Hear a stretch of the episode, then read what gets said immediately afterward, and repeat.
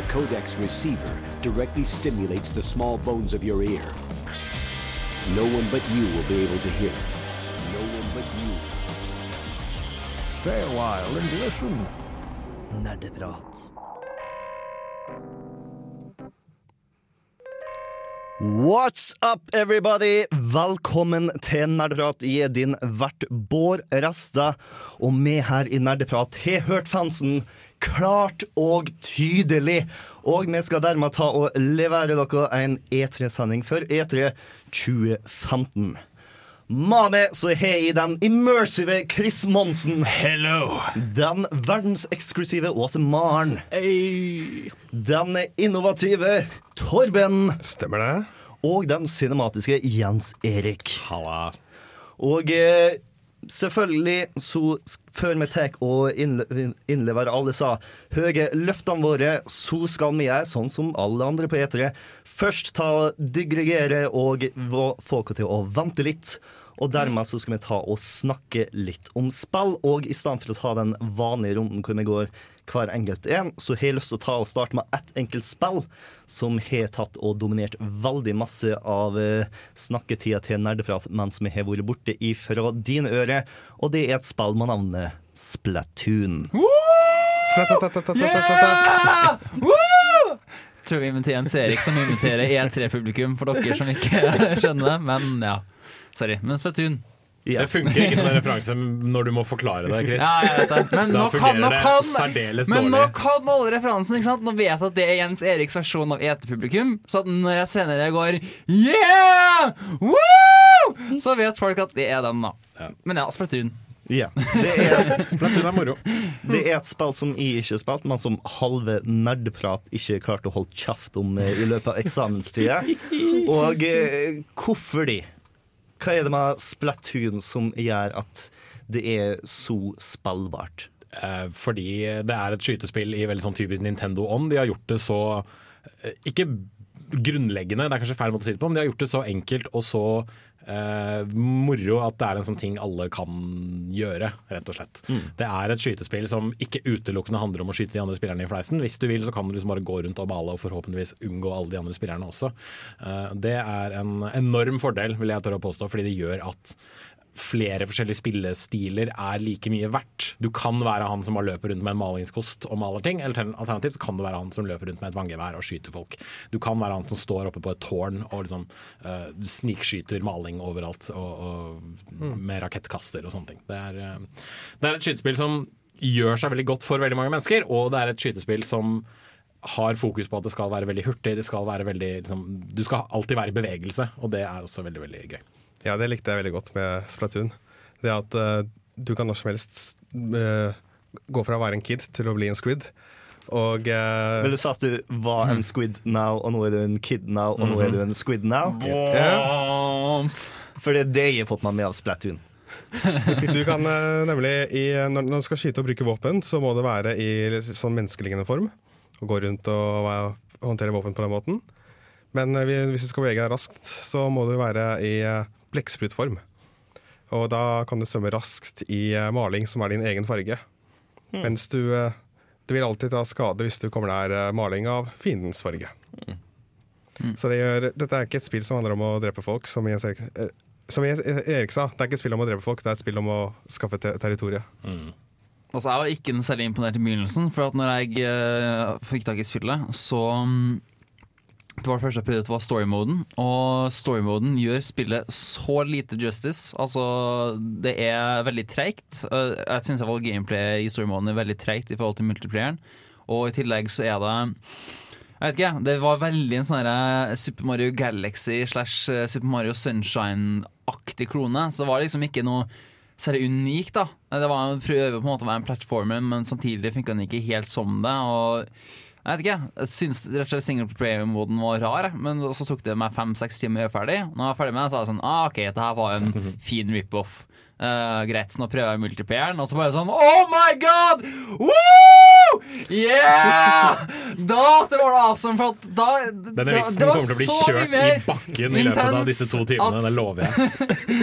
ja, men seriøst, altså, det var den forskjellen liksom, var det dampbøyvalse over, ikke sant? Det var en helt annen følelse.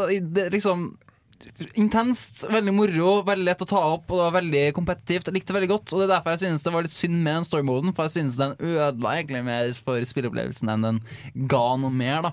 Men altså, den en- enspillermodusen i Splatoon er jo ment strengt tatt som en sånn her opplæringsdel. Ja. Det er en forlenget tutorial i bunn og grunn.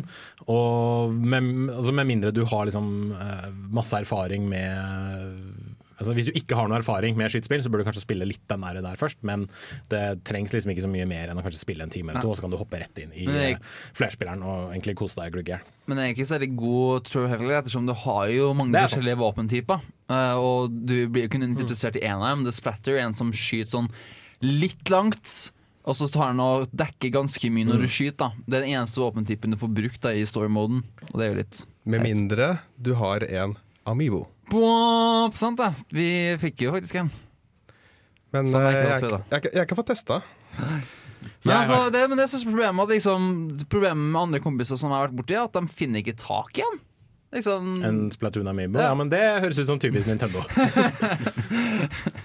er det noe folk vil ha? Vel, da produserer vi lite av det, og så kan de krangle om det. Og så kan de uh, selge det på sånn her eBay svartebørs-dritt.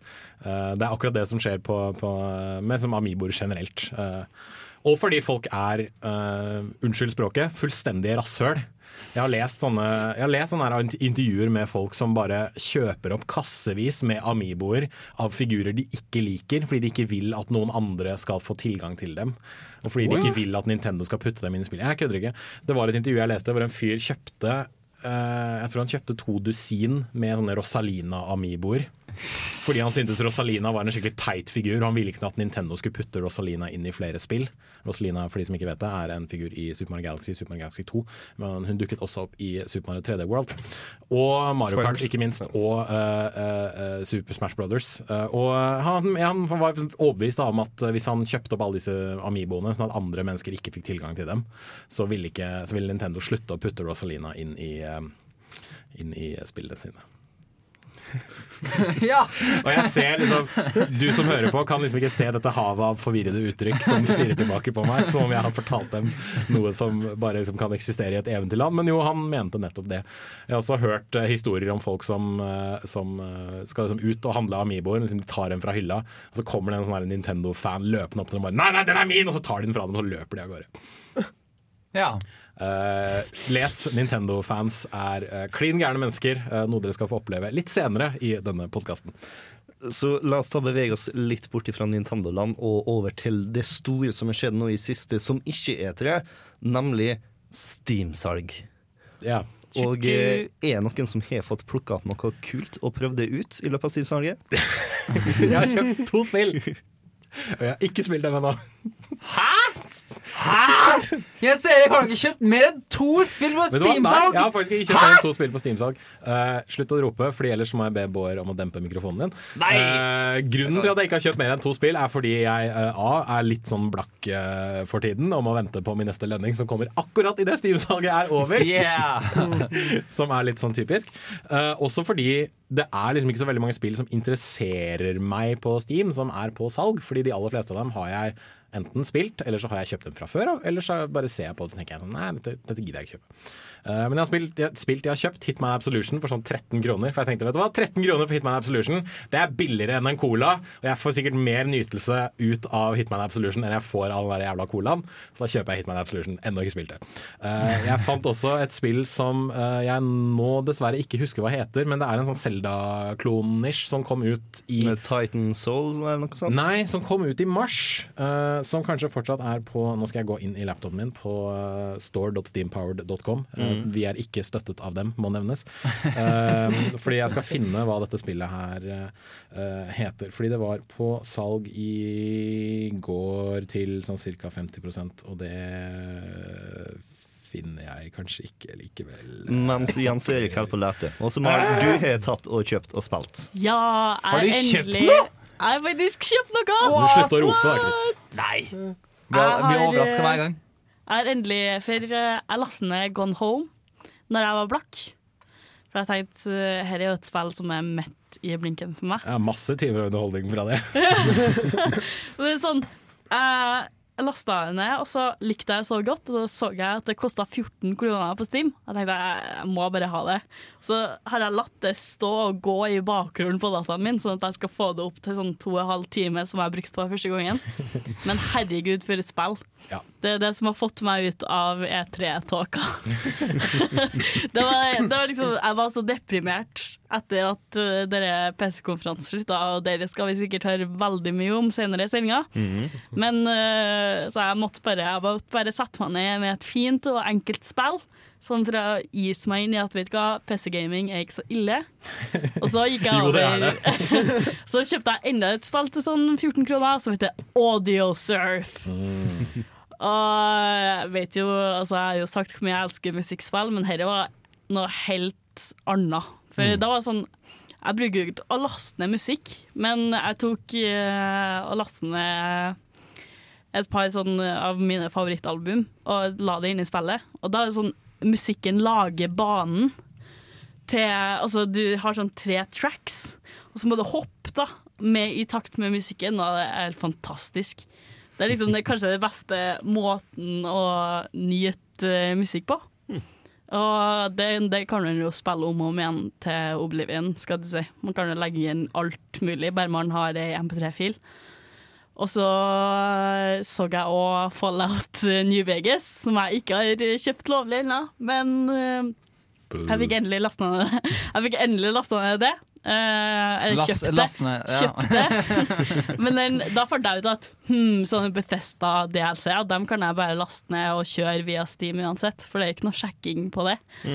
Så da lastet jeg en standard versjon, og så lastet jeg ned hva det var, 2,5 gigabyte med DLC til Fallout New Vegas. Jeg har ikke spilt det ennå. Jeg, har ikke jeg har ikke fått til å modde det ennå. Som eh, Det tar jo 50 timer. Men jeg har nytt godt av eh, Fallout 3, da. Så her har vært en god sesong for meg. Nå fant jeg endelig e-posten som eh, Steam sender når jeg kjøper nye spill. Og det spillet heter Oceanhorn, Monster of Uncharted Seas.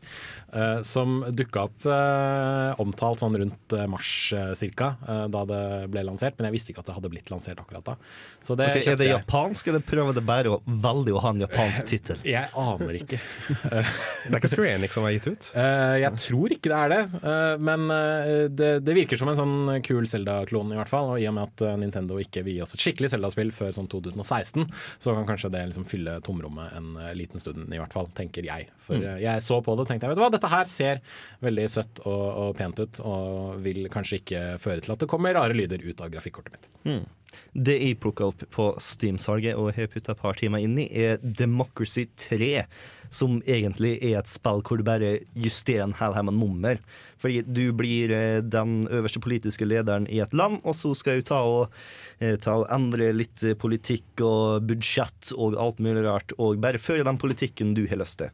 Så eh, jeg tok, og, tok over Tyskland, siden det var nærmest Norge, og så sosialiserte, demokratiserte det landet ut til helvete. Legaliserte litt eh, marihuana og LSD. Jeg kunne ikke legalisere alt, fordi at da ble folk altfor avhengige, så jeg bare roa litt ned på LSD-en. Eh, og det gikk ganske bra. Altså, kapitalistene og de religiøse ble jeg ganske lei av meg, men jeg, heldigvis så flytta de fra landet hvis jeg ikke har lyst til å ha med. Så eh, på de siste tre valgene så har jeg sånn 90% oppslutning i valg, så eh, jeg tror kanskje jeg skal gå inn i politikken. Jeg spilte faktisk Democracy 3 for eh, kanskje et halvt år siden. Og da var dette ble patcha ut, da, men det var så sinnssykt irriterende at jeg, må bare, jeg måtte bare legge det fra meg. For jeg har spilt som USA. Jeg har fått USA til å bli et sånn helt rusfritt sosialistisk utopia. Sånn seriøst. Alt var helt perfekt. Det var smooth sailing. Jeg, jeg var kjempepopulær. Og så blir jeg drept av noen religiøse ekstremister. Over og over og over igjen. Uansett hva jeg gjør. Jeg prøver å legge inn masse støtte til kirkene. Det funker ikke. Jeg prøver jeg, liksom, jeg droppa marihuana-legalisering og alt bare for å få religiøs støtte. Det funka ikke. Det var samme jævla kulten som dratt meg hver jævla gang. Det er to muligheter. har. Enten så kan du ta og kjøre veldig hardt på eh, etterretningstjenesten, eller så kan du bare hake av ikke Assassins, fordi at det er en valgmulighet, i hvert fall når jeg spilte. Seriøst. Seriøst. Så jeg slapp å bli Caesar-stabba i ryggen. Mm. må jeg, det må jeg, nå må jeg spille igjen. Kanskje jeg, kanskje jeg kan spille uten å bli Uten å nesten ødelegge tastaturet mitt. Yes, Når vi kommer tilbake, så skal vi ta og diskutere E3. Her har du Inkspots med It's All Over But The Crime. It's all over, but the cry. And yes, it's a second screen experience. And usually, I find second screen experiences, they're generally just stupid gimmicks. Um, but like, as far as stupid gimmicks goes, I Irish is the best fucking one I have ever seen. It is awesome. It is. Som dere kanskje forstår på både musikken og Todd Howard sin stemme, så er det nå Betesta Bethesda sin konferanse vi skal snakke om, og da kanskje aller mest Fallout 4, som var største spillet både på den konferansen og kanskje hele E3. Det, og eh, den eh, second, hand, eh, second screen experiencen han snakka om, var Pitboy-muligheten til å eh, bruke din smarttelefon som en pitboy. Det er Pip Boy, Pip. ikke Pit Boy. Pitboy. Ja. Det er kult. Eh, og eh, den andre muligheten du har til å bruke smarttelefonen din til Fallout, var Fallout Shelter, som eh, du, Chris, har prøvd litt ut. Ja, jeg spiller spill, spiller akkurat nå, faktisk. Eh, altså, det var sånn, ja, men sånn altså, Noen hater litt sånn ah, E3, ah, det er fortsatt en greie. Men det var litt sånn, den kvelden på Bethesda så var det sånn Oh my god, E3 er kult igjen! Og, det, alt er så magisk. Og gjett hva, nå kommer Fallout Shelter, et spill til IOS, og senere på et eller annet tidspunkt også uh, Android kommer ut. Men altså, det kom til iOS samme kvelden, eller på natta, og jeg bare yes! Så jeg la meg ikke først klokka ni-ti morgenen etter, for jeg spilte. Og så, for all del, det er veldig Det er jo sånn herre um, Hva skal du kalle det? Uh, du, du, du er jo en overseer, da, en som styrer en, et vault da, som du kan bestemme nummeret på og sånn sjøl. Og så skal du bare bygge masse forskjellige rom. Du bygger storage rooms, og du bygger eh, power rooms, og du bygger kantine og masse sånn. Så kan du chaine dem sammen for å lage større kantiner osv. og. Og så kan du gi da uh, Vault Dwellers nye oppgaver. Og det kommer alltid nye folk da på døra di, da som du da assigner til nye poster. da Og så kan du få barn. Eh, og masse annet rart. Er det mulig å ta og kjære sånne skikkelig sosiologiske, uetiske eksperiment som Voltec gjorde på sine Volt? Nei, dessverre. Uh, liksom, det, det, det som er litt dumt med spillet, er at liksom, det er veldig kult i begynnelsen. For det er sånn, å kult, du styrer et eget vault, å kult, nå kjenner det Raiders, hva gjør jeg nå? Men etter hvert så får du når du gjør enkle objectives, da, så får du lunchboxes, da, der er veldig mange veldig gode items. da. Jeg starter liksom, I min første lunchbox så fikk jeg en power armor. Og jeg fikk eh, en sånn enhanced shotgun. Så at hver gang noen kom inn da, inn i voltet mitt, så bare sto det én keys da, med power armor og enhanced shotgun. Hver gang jeg bare sup, og så bare skøyta jeg ned med en gang. ikke sant? Sånn at uh, det er ganske kult i en stund, men så er det veldig mye venting etter hvert. Og det er veldig mye av det samme, og spillet gjør egentlig veldig lite for å få deg til å bli her lenge. da. Så det er litt sånn typisk gratisspill. minus, at du, ja. minus at du kjøper ting for at Ja. tiden kan gå fortere. Uh, og jeg tror vel det var Filmpolitiet som anmeldte. Jeg mener at det var Rune Håkon som anmeldte og ga en treer. Og jeg er egentlig for så vidt enig i det. Det er liksom Det er kult en stund, men så bare dabber det litt av. Da. Det, altså, det tok jo Den hadde interessen min liksom den ene kvelden, og så etterpå så var det sånn Ja, OK. Uh, ja. Så det var kult for all del, men det var liksom vet ikke, det er mm, fanrunking, I guess. Det spillet tror jeg har litt mer holdbarhetstid, er det faktiske Fallout 4-spillet. Ja. Oh, som vi ikke har diskutert siden siste episode, fordi at det ble annonsert i mellomtida. Så jeg tenkte vi kan ta og preike litt om det. Jeg bare syns det var litt festlig å våkne eh, mandag morgen og se alle eh, meldingene som har kommet inn fra Chris. Fordi vi har en de, altså, Du som hører på dette her, vet jo kanskje ikke dette, men vi har en sånn felles, felles chat på Facebook hvor vi snakker om ting. Da. Og jeg vil bare, liksom, jeg vil, før vi begynner å snakke om Fallout, så vil jeg bare liksom, delegere noen av meldingene Chris skrev. Hyl! Slutt å drøy! Wow! Jeg kan dø lykkelig nå! Wow! Masse tall. Fallout Shelter i natt. Han der, altså. Drop the mic. Lett beste 20 minutter av E3. Om jeg ikke får tak i en Pippo Edition, vil jeg gråte så hardt! Det er sant. Altså, gjett må jeg etterpå skulle jeg bestille den der Fallout 4 Pippo Edition. Gjett hva som skjedde! Gjett hva som skjedde, Jens Erik! Den kommer ikke ut i Norge. Jo, det gjør den, tror jeg. Men når jeg skulle betale for den, så var bankbrikken min knust. Så jeg var knust, Tror jeg kunne bestille den? Nei! Og så jeg må bestille i ettermiddag. Og tenk at det er tom! Hardt liv. Så bankbrikken ble som hjertet ditt og Aldri forhåndsbestill et spill. Metaforisk. Folkeopplysning. Du kan ferde på et Har du DNB? Ja. Ja, Da kan du ferde på et DNB-kontor og få en bankbrikke Ja, ja, med en gang. Har fått den. Yes, Men hva er det folk synes om Fallout 4 av det vi har sett? Fordi at uh, For å være helt ærlig, det første jeg så av Fallout 4, så ble jeg litt skuffa, egentlig. Fordi Oi. at det så veldig masse ut som Fallout 3. Bare Ja, Next. Generation. Fordi at det jeg syntes var veldig interessant med Fallout New Vegas, mm. er at de satte hele Fallout-opplevelsen til en ny plass. Ja. Og av det så ble det en helt ny stemning. Men det har de jo strengt tatt gjort nå også. De har gjort det sånn teknisk sett, men ikke sånn enormt. Det virker, Fordi at ja. Fallout 4 foregår i Boston. Ja. Og Boston, i likhet med Washington DC, Ligger på en- østkysten. På østkysten, er en by som handler veldig masse om opprettelsen av Amerika. Veldig masse historie fra helt, helt i starten. Er veldig lav, med ingen skyskrapere etc. Så det føles ut som Fallout 3 2.0. Som ikke er en dårlig ting. Jeg likte Fallout 3, og jeg likte også veldig godt at Fallout 4 har masse mer farger enn eh, forrige generasjons Fallout har. Fordi at der så var det enten så var det kun grønt i Fallout 3, eller kun brunt i New Vegas. Og nå så er det faktisk et palett, og det likte de veldig godt. En ting jeg tror vi kommer til å se litt forskjell på, er det at jeg tror det er mer litt sånn ting som har litt bystatus i eh, Fallout 4 enn det var i Fallout 3. I Fallout 3 så var det liksom bare veldig små sånne eh, enklaver, holdt jeg på å si, hvor folk hadde bosatt seg, typ liksom Megaton og sånne steder. Mens basert på trailer og bilder og alt mulig sånne ting fra Fallout 4, så tror jeg det er litt mer eh, oppbygde ting. Fordi uh, Boston det fører til at vi har eh, MIT, altså liksom uh, Massachusetts Institute of Technology. Det er mm, langt mer teknologisk uh, avansert enn det kanskje Washington-området var i Fallout 3. Så jeg tror kanskje det vil spille inn en god del. Og vi ser f.eks. I, i den spilldemoen som de viste fram på E3, at du starter jo med en sånn robot-butler som du møter igjen når du kommer ut av dette hvelvet. Og um, det var også i Fallout 3 et Quest som uh, handlet om en det var vel en robotmann eller en syborg eller noe sånt noe, som prøvde å liksom rømme fra liksom, The Institute i Boston. Så det er mange som tror at det kanskje vil være en sånn uh, maktkamp mellom da, liksom, vanlige mennesker og roboter, eller vanlige mennesker og liksom, syborger og sånne ting i uh, Fallout 4.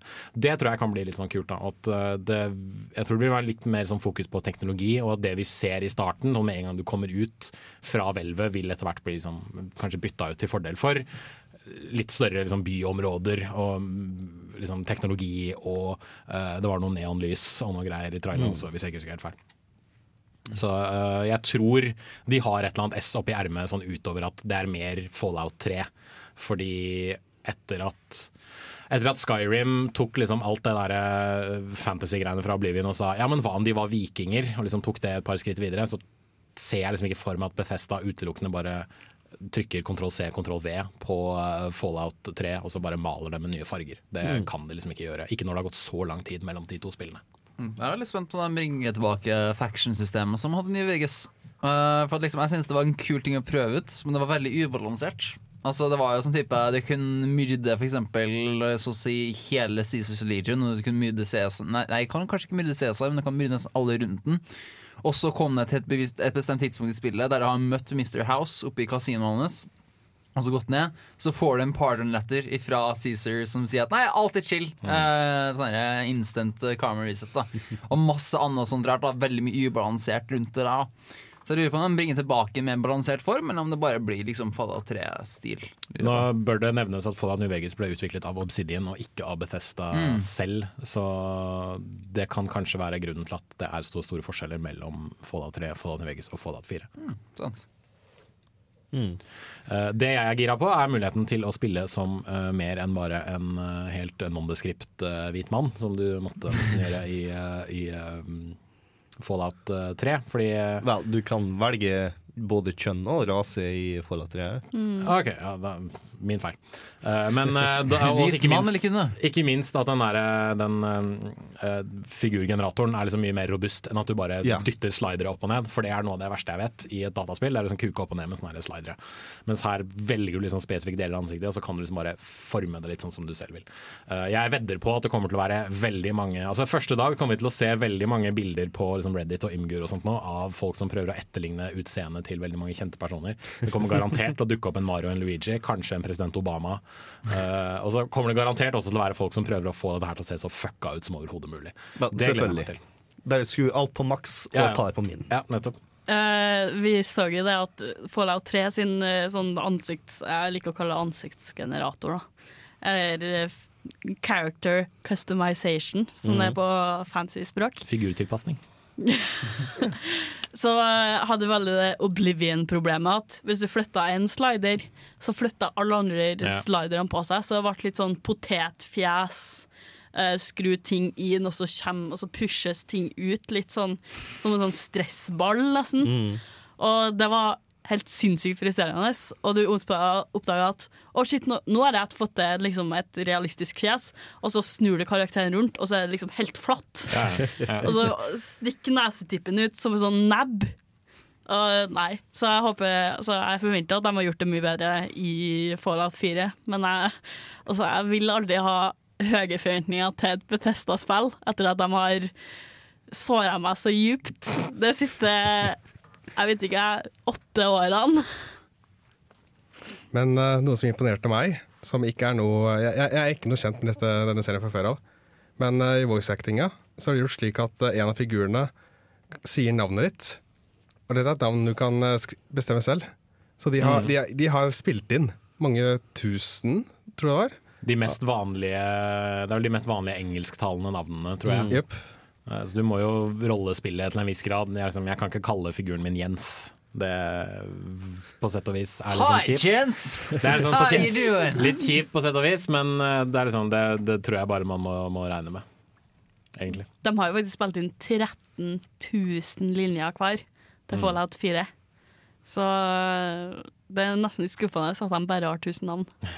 Ja, nei, for eh, nå har du talende protagonister i Fallout-serien.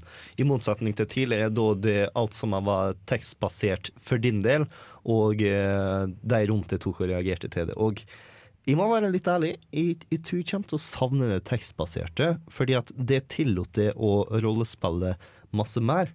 Fordi at eh, du har liksom din forståelse av hvordan din karakter var.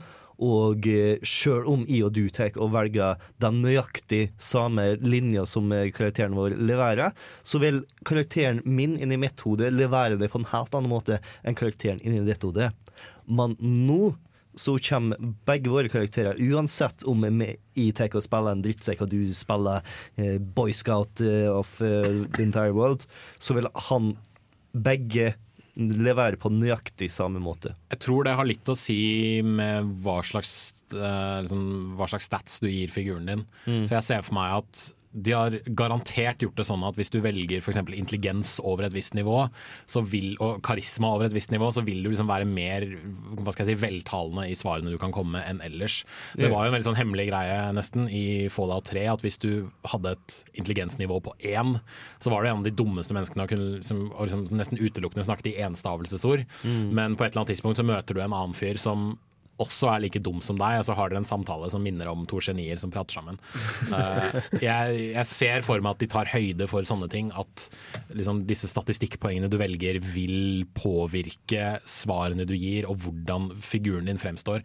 Det blir liksom ikke en sånn, det blir ikke en sånn Mass Effect-greie at de sier det samme uansett, tenker jeg. Snakk om Mass Effect. Hun som skal gi den kvinnelige stemmen til Fallout 4, er samme som hadde stemmen til Jack Ah, i ja. Mass Effect. Kult. Fun fact. Jeg liker egentlig litt hvordan Saints Row the Third har gjort eh, stemmegreier. Fordi at der ikke bare kan du velge sex appeal, men du kan også velge stemmen til personen. Og det som er kult, da, at du kan velge at den skal være en sånn skikkelig obnoxious eh, British guy, eller om den skal være eh, sånn skikkelig amerikansk uh, go USA-fyr, eller du kan få den til å snakke zombie. Ja. Veldig, veldig kult. Og det, er liksom, det likte jeg, for da var jeg sånn OK, jeg vil at min skal være en britisk dude, selv om jeg ikke har et sjanse til å snakke i en britisk aksent. Kult, OK, da spiller vi sånne. Det er, det er Cockney-stemmen til Nolan North. Så det er sånn, det er, det er sånn, hvis du, du kan spille som da, liksom, den britiske versjonen av The Boss i, i Saints Row 4, og så høres han nøyaktig ut som The Penguin fra Arkham-spillene. Men jeg håpte Jeg satt faktisk og tenkte sånn Herregud, enn hvis de har flere stemmer, sånn som i Saints Row, og vi får én stemme som har en helt horribel Boston-aksent. Boston. Boston. Jeg håper virkelig at det blir noen som, som liksom snakker om da hele tiden. Liksom, ja, ikke sant? Høres ut som en, høres ut som en veldig sånn dårlig parodi på eh, John F. Kennedy. I uh, would like some ciao da. Blir nydelig. Man Bethesda sin konferanse, som for øvrig var deres første E3-konferanse noensinne, handla ikke kun om Fallout 4, sjøl om det er selvfølgelig det vi husker mest. Det var også et par andre spill som ble vist, eh, inkludert da Doom! Å, ja, sorry. Doom ble vist. Vi kan, vi kan snakke om Doom først. Det begynner på samme bokstav. Jens gikk bare Woo! Yeah! Nei, fakt nei, faktisk ikke. Men OK. eh, beklager eh, at jeg går litt sånn inn i tirademodus nå, men jeg er drittlei av sånn der E3-publikum som applauderer og jubler for absolutt alt. Spesielt for sånn ting som egentlig er litt jævlig, og ting som er veldig dumt. Altså Med en gang den Doom-demoen deres starta, så var det liksom ja, greit nok Doom, og så bare Å, shit, han har en hagle! Woohoo! Hagle! Det er fra Doom, da, folkens! Woo, hagle! Å, shit, nå plukket han opp en motorsag! Fy faen, motorsag er fett, da! Woo, se, han sager et monster i to, folkens! Woo! Sånn holder de på, liksom hele greia. Uh, men det ser ut som mer Doom, og det ser kult ut. Det ser ut som en sånn kombinasjon av Doom 3 og Doom eh, 2. Så ikke så veldig mye sånne eh, monstre som roper, hopper fram og sier bø. Mer sånn nå går jeg inn i et rom, her kommer det masse monstre fra alle steder, og så skal jeg bare Unnskyld, nå slår jeg i ting. Nå skal jeg bare plaffe dem ned med, med liksom våpnene jeg har. Og så viste de fram uh, den der BFG 9000, som uh, selvfølgelig hører hjemme i en god del Doom-spill. Så dette kan bli moro. Hvis det bare er åtte timer av det, så, så Altså, jeg har døpt eh, Doom 4 eh, Doomspace 4 Non-Event Horizon. For det var det dårligste Doom-greien jeg noen gang har sett. De viste fram en bedre Doom på PC-konferansen, som var helt urelatert og hadde sånn fake 8-bits-grafikk, enn på den konferansen med det offisielle Doom-IP-en.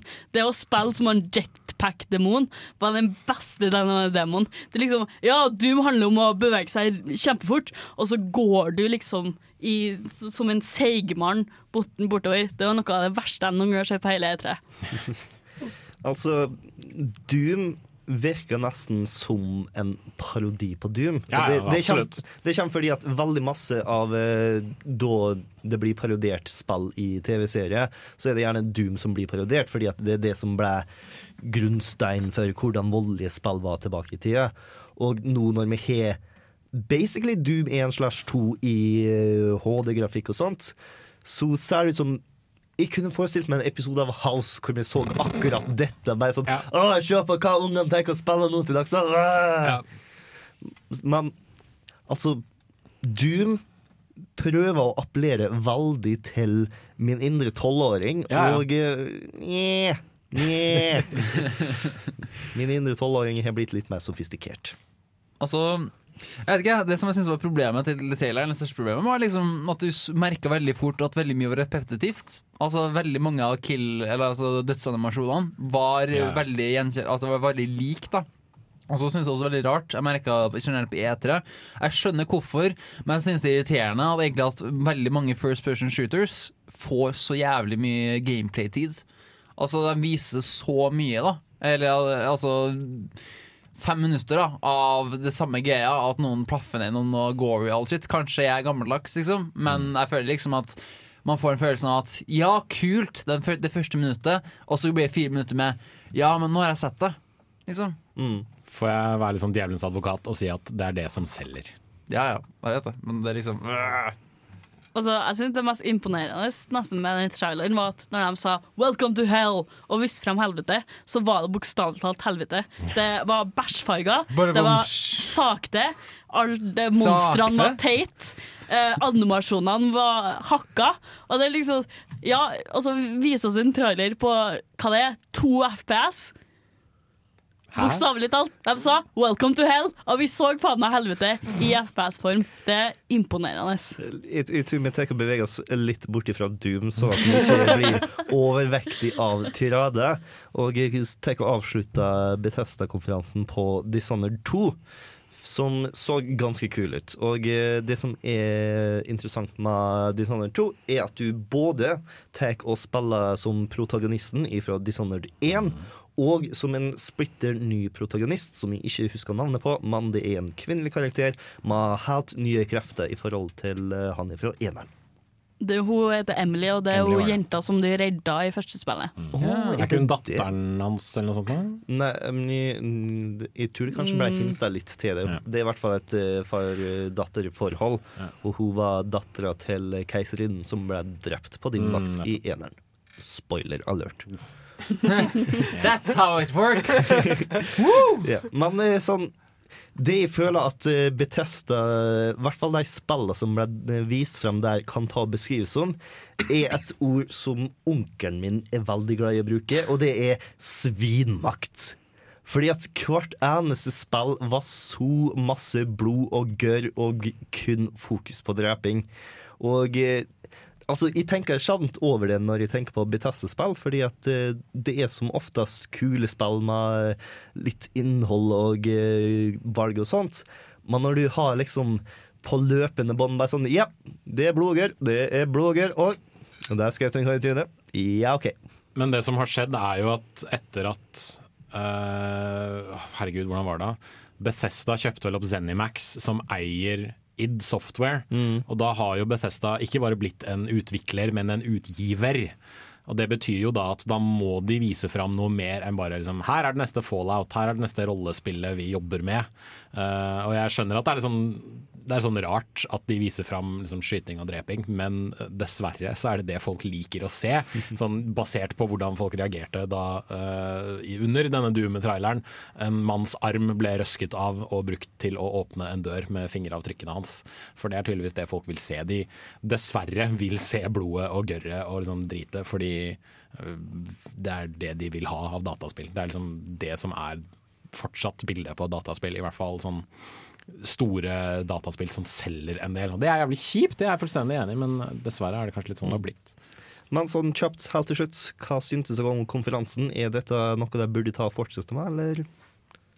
Altså, Jeg tror ikke de kan gjøre det her hvert år. Altså, Det som jeg synes var digg nå, var jo for eksempel Fallout Det som jeg synes Bethesda bra, da, var at de viste fram det som begynner å bli ferdig produkt. Altså, Da har eksempel Fallout 4 der det er sånn ah, nesten ferdig, og Doom Nja, det er getting there, liksom. Og sammen med Elders, det jeg visste var litt av Elders og sånn.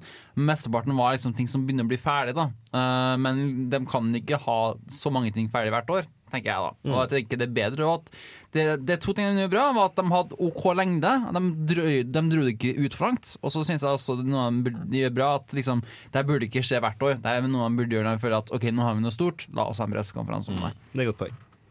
Samtidig, så til å være deres første pressekonferanse, så syns jeg de greier seg ganske bra. På en måte, Vi har ikke fått masse sånn eh, dårlige, kleine øyeblikk eh, ut av dette her, sånn som man kanskje kunne forvente. Jeg vet ikke. Det virka litt som om Bethesda var godt forberedt på hva de skulle si, og liksom hvilke, hvilke punkter de skulle treffe, rett og slett. De kleineste øyeblikkene kom selvfølgelig med de som, som har gjort dette i mange, mange år. Men de tenker vi å komme tilbake til. Eh, når vi kommer tilbake nå, så skal vi ta og snakke litt om Microsoft, som heldigvis for deg ikke var de kleineste. Men de har eh, under Forsa 6-traileren sin, så eh, kjørte de musikk som ikke var helt bilkjerringsmusikk. Det var sånn Musikken var sånn Åh, det å kjøre bil, det er viktig. Og eh, denne låten eh, de kjørte, var Elias med 'Revolution'.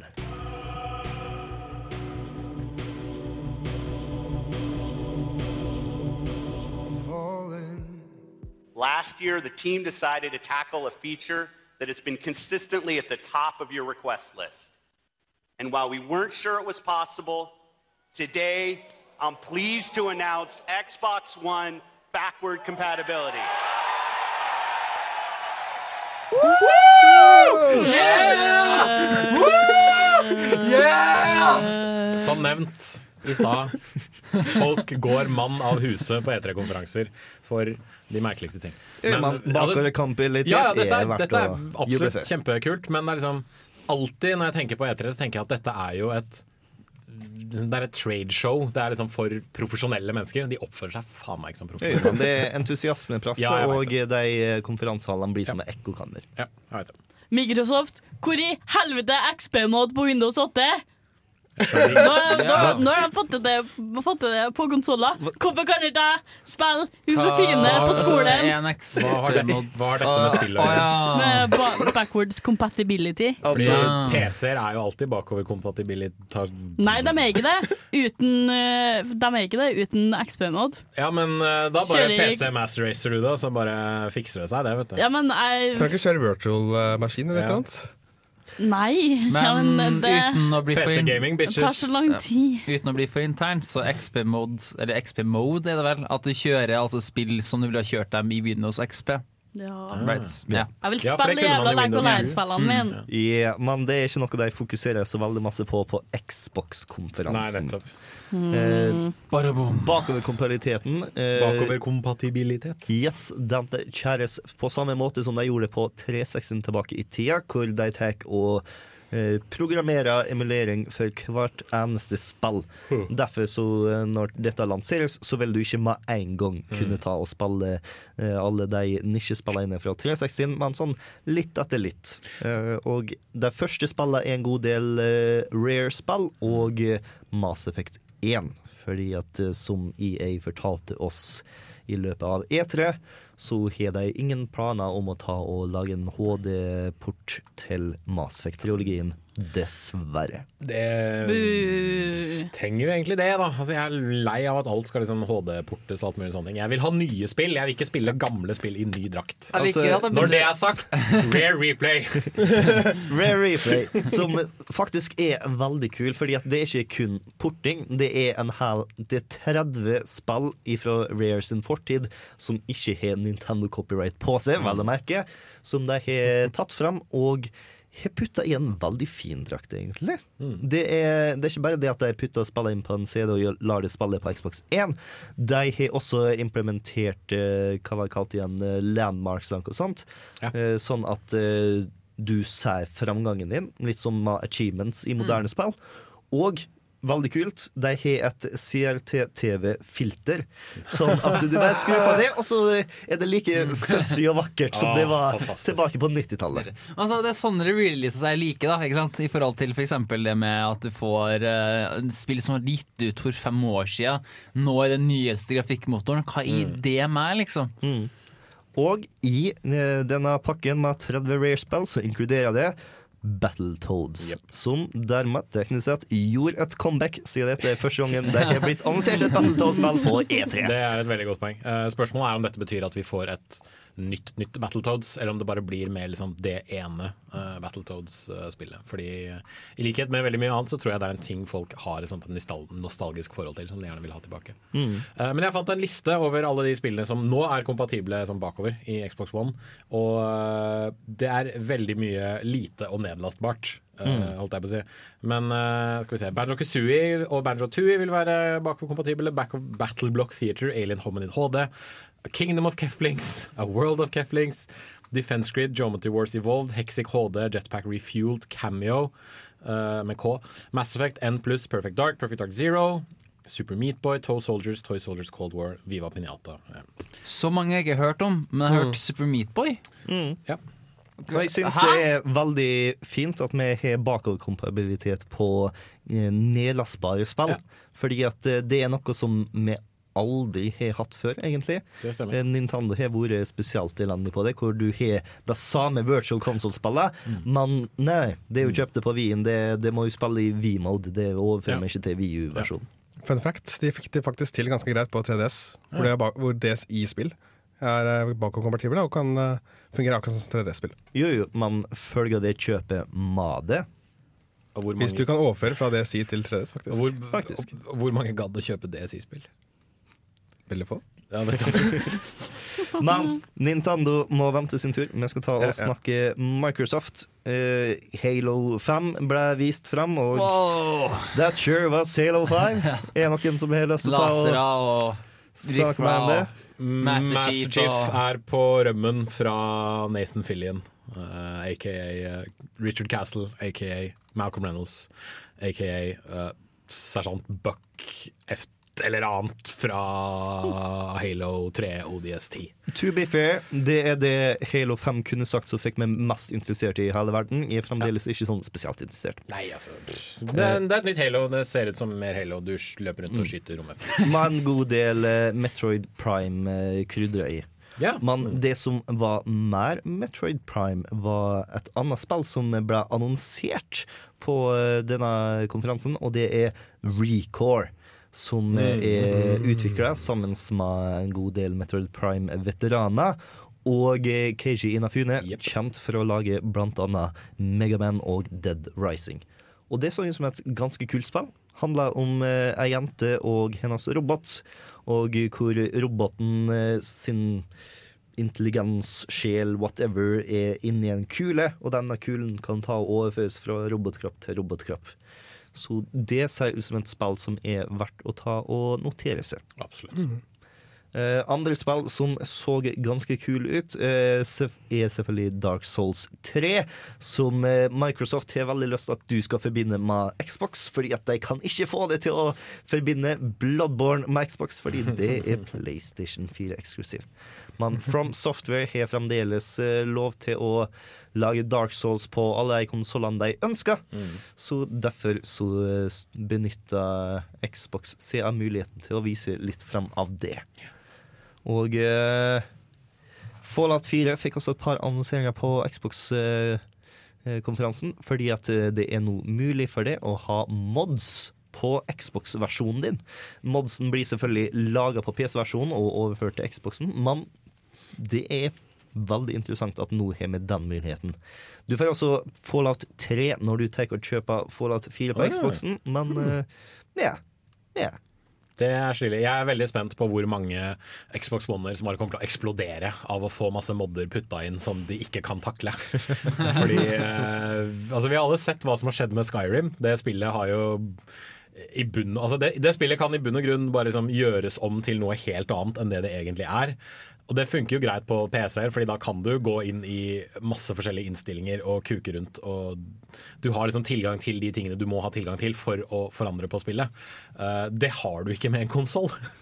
Om det da vil ende opp med at det er masse mennesker som laster ned masse modder som bare bricker konsollene deres herfra og til månen, det, det gleder jeg meg til å se. Det som ødelegger Skyrim mest på PC, eller ødelegger, da, som krever mest, som får veldig mange PC til å eksplodere, det er ENB. Som er sånn uh, lysmods der man kan legge inn masse filter, sånn type Instagram. Uh, og legge til vær og sånn. Og så er det masse texture-oppgraderinger til 2K eller 4K.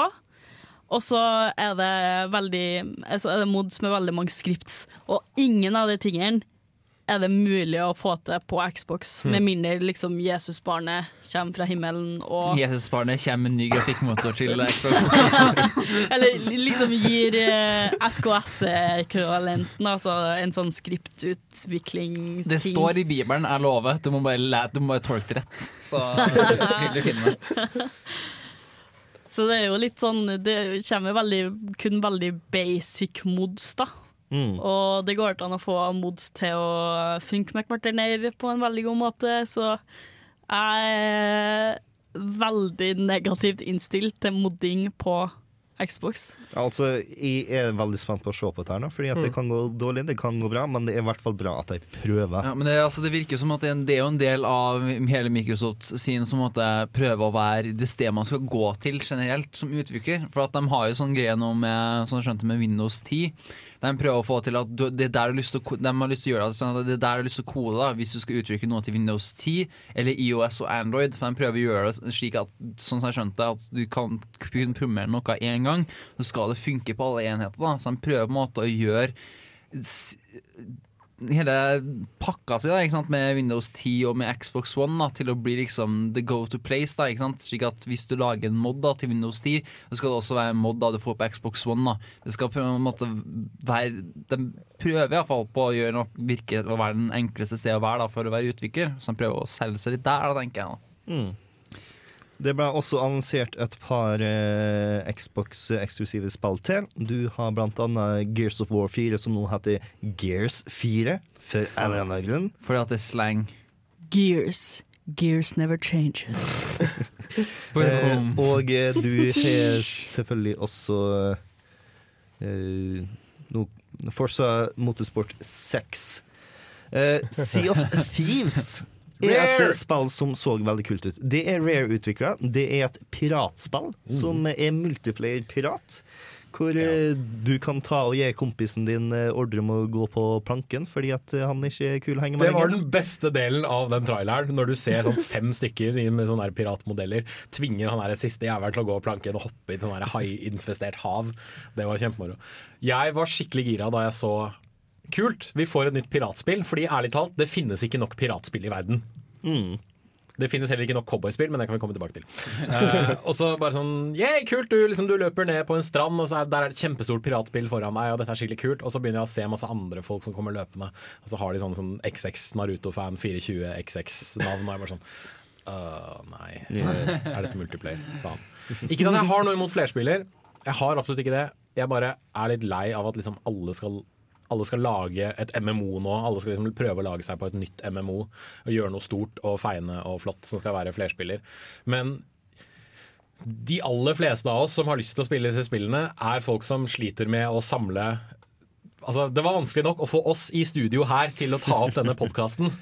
Og det er, liksom, det er vanskelig nok for meg å finne mange folk jeg kan spille sammen med. Og liksom må jeg da løpe rundt med masse uh, datastyrte folk i piratcrewet mitt? Eller må jeg liksom bare være en sånn enslig kaptein som står der med båten min på en strand og bare sånn «Ja, Jeg har det kjempegøy. For det ser, jo, det ser skikkelig kult ut. Liksom bare, du kan, jeg regner med at du kan ha masse forskjellige roller på dette, liksom, dette crewet og sånt, men jeg lurer veldig på i hvor stor grad folk i hvor stor grad det er lett å samle folk til dette her. Det Mm. lurer jeg veldig på. Og eh, til slutt så kan vi ta og nevne at eh, Microsoft mener at fremtiden inkluderer briller. Fordi de har tatt og inngått en avtale med Valve VR, hvor eh, de blir solgt Nei, var det Oculus som ble solgt med Xbox? Eh, eh, Oculus-brillene skal selges med Xbox One-kontroller. ja, og de har eh, gått inn i avtale med Valve VR, og de har også HoloLens, som de tok og spilte litt Minecraft på. Som eh, stort sett egentlig var at en kar brukte veggen som TV. Yep. Som, Det var veldig Den demoen altså, var veldig imponerende. Det var en skikkelig sånn Woo! wow, yeah, som var faktisk wow, yeah, for det var jævlig kult. Altså, Jeg vet ikke om du så hele demoen, men den altså var kjempebra. Det var ikke bare på veggen, men du fikk også uh, hele Minecraft-mappet på bordet i 3D-representasjon, så du kunne se i real time, altså i sanntid. Eh, en, at folk spilte da på det brettet, og så kunne de flytte litt rundt på det, og så kunne du bruke kommandoer og sånn da for å modifisere det. Og det syns jeg var kjempekult. Egentlig. Problemet med HoloLens det her er kommet fra veldig mange som har vært på etter og prøvd det på boothen til Microsoft, er at det er veldig låg sånn eh, field of view. mm. Så det føles veldig ukomfortabelt å bruke. Så jeg føler at liksom Microsoft har gjort Altså, de gir ut dette for tidlig. Og kontrollene er veldig klumsete. Du må liksom zoome inn med hendene, du må tappe og sånn, da. Som eh, hololensen liksom skal gjenkjenne, og det funker ikke helt. Så det virka sinnssykt kult. Sånn, når det var på scenen, så tenkte jeg sånn herregud, unger kommer til å dø av det her, for de kommer til å spise. De kommer bare til å spille Minecraft hele dagen på de holo-greiene. Men så leste jeg sånne tweets fra dem, og da tenkte jeg bare sånn, vet du hva, her er fem år for tidlig.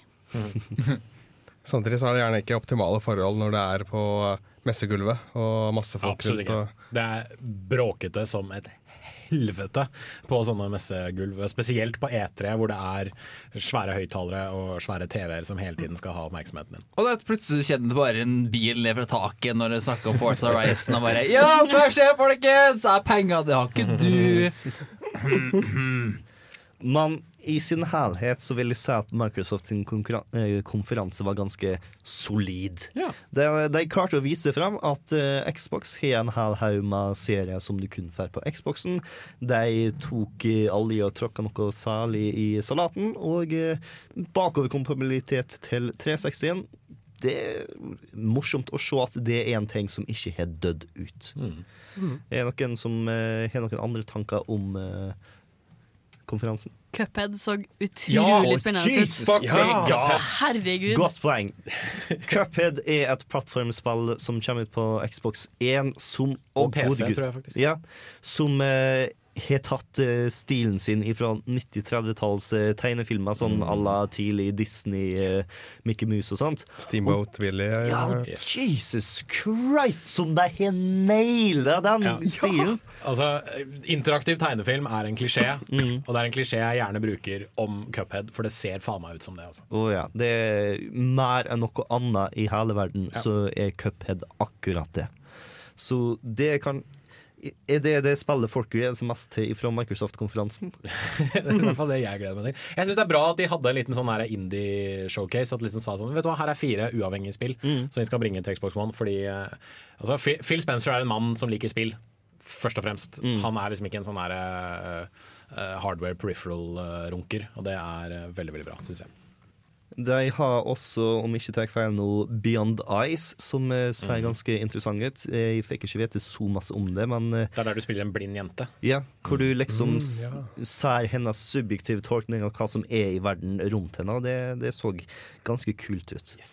Så eh, til tross for at eh, Microsoft er flink til å slå på trippel-A-tromma, så er det faktisk, i hvert fall for vår del, eh, de små spillene som høres best ut. Eh, når vi kommer tilbake, så er det mer trippere som skal ta og prate prate sånn. Denne gangen er det EA som står for tur, og i bakgrunnen så kan vi ta og høre Johnny Cash. My Riders Goes In The Sky. dark and windy day. Up on a ridge he rested as he went along his way. In this game, you are the red thread that runs through someone's life, trying to tie all their missing pieces back together. Un- unravel. Thank you. Der hørte du presentasjonen til Unraveled, som er kanskje det minste og søteste spillet som ble vist fram på EA sin pressekonferanse. Jeg syns faktisk det er veldig kult at EA tar og publiserer et spill eh, som er laga av 14 mennesker i Nord-Sverige. Det, det er riktig vei for deg å gå, i min bok i hvert fall. Og Unraveled så ganske kult ut. Det, der skal du ta og spille som en eh, garn, rød garnfigur som eh, beveger seg rundt i, i svensk natur, og du bruker garn til å løse en hel oppgave. Mm. Så den så ganske kul ut og ganske søt ut, og han som presenterte det, har Martin Salin. ja, sånn veldig nervøs, men sjarmerende. Stakkars fyr. Altså, hendene hans Jeg har aldri sett noen skjelve så jævlig på hendene før. Det var helt utrolig hvor nervøs han var. Og internett har jo selvfølgelig forelsket seg uh, i han eh, øyeblikkelig. Uh, hvis du går inn på Facebook, så finnes det en, en side som heter Swedish Man of Yarn. Uh, den har foreløpig bare 20 likes, men han har allerede fanart av seg. Hvor han står liksom på skjermen Eller hvor han liksom står på E3-scenen og skjelver som en annen gærning. Han, han- han var så søt. Ja, Og så hadde han utrolig. Jeg, eller de, de presenterte på den store skjermen bilder fra en ferie han hadde hatt. Der han hadde kommet på denne ideen med Unraveled, og eh, at han hadde laget denne garnfiguren Mm. i, til spillet. Og han hadde tatt med seg den på scenen, vist den fram og, og det, det, det, åh. Og i tillegg så så hun ut som Pee-wee Herman. Nei, nei, det var EA-sjefen, det. Det han eh, Andrew Svans Wilson? Ja. Nei. Ja. Ja. Svensken, han eh, Ja. Han så bare søt ut. Men det var høydepunktet til EA-konferansen, fordi at Jesus ja. Christ! Men altså, okay. EA Sports, it dominated. Men altså, ok, her er- altså, Jeg spilte jo Saints Road 3, eh, eller Saints Road the Third, eh, mellom pressekonferansene. Der kan du tune inn på en radiokanal som er kun sånn adult swim-musikk. Og der har du en sang som er sports! Du, du, du, du, du, du, du, du. Sports! Og jeg føler egentlig konferansen var litt av samme. Det var liksom litt kult, og så var det sports! Og så litt mer kult. Og med sport! Og bare nei! Men det er én ting. Du gikk fra liksom dere Å, en sånn liten garnfigur som holder en søt liten mm. Highway to the danger zone. Å ja, å nei. Det var det òg, ja. Å gud. Ja, altså Plants vs. Zombies Garden Warfare 2, som på grunn av all sporten endte opp med å bli en av lyspunktene i EA-konferansen, og det sier noe. Ja, Men det ser jo stilig ut. Da. som, ja, men altså En maskot som kommer ut og bare Yo, hei, hva skjer? Og så har de sånn rar sånn skit-ending der det er sånn Å ja, han på scenen jager den ut og bare Å ja, OK. Altså- ja. Det er det som er problemet med de aller fleste konferansene på E3. Det er at de prøver å være morsomme, men når du står framfor flere tusen mennesker, denne lille kjappe vitsen som du har planlagt, den tviler du plutselig på om er morsom, og du holder tilbake fordi at du har ikke lyst til å ta og gjennomføre det så hardt at folk tror å, du tror at dette er morsomst i verden, hva feiler jeg?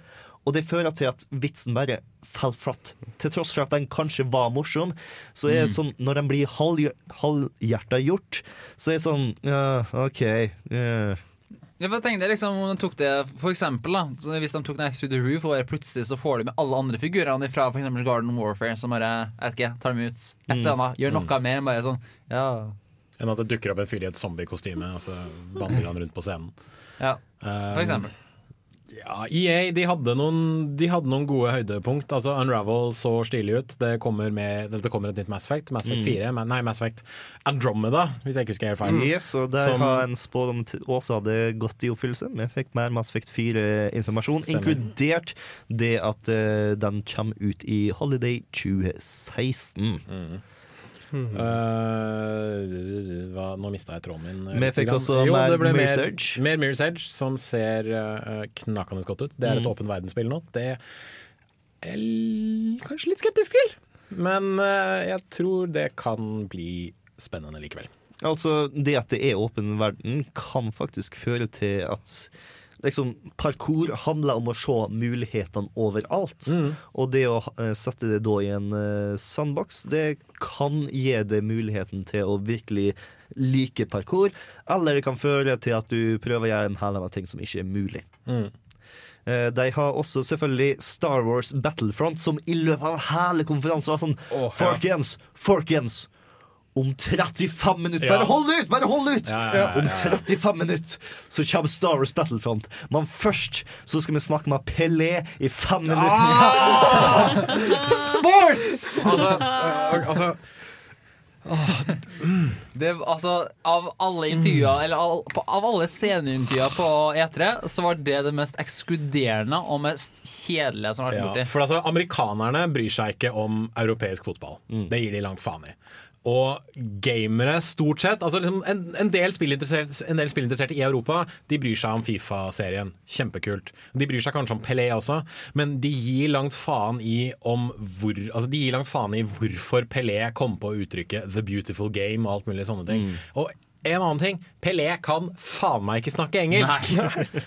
Han mumler og snubler i ordene og vet ikke hva han sier. Han hadde ingenting på den scenen der å gjøre. De kunne fjerna hele det der segmentet og bare spilt av en trailer for Fifa. Og liksom, De kunne demonstrert spillet liksom live på scenen i stedet for at Pelé kom ut og snakket i fem-ti minutter. For det var, det var håpløst. Altså, ja, altså, det var, eh, Sorry. Altså.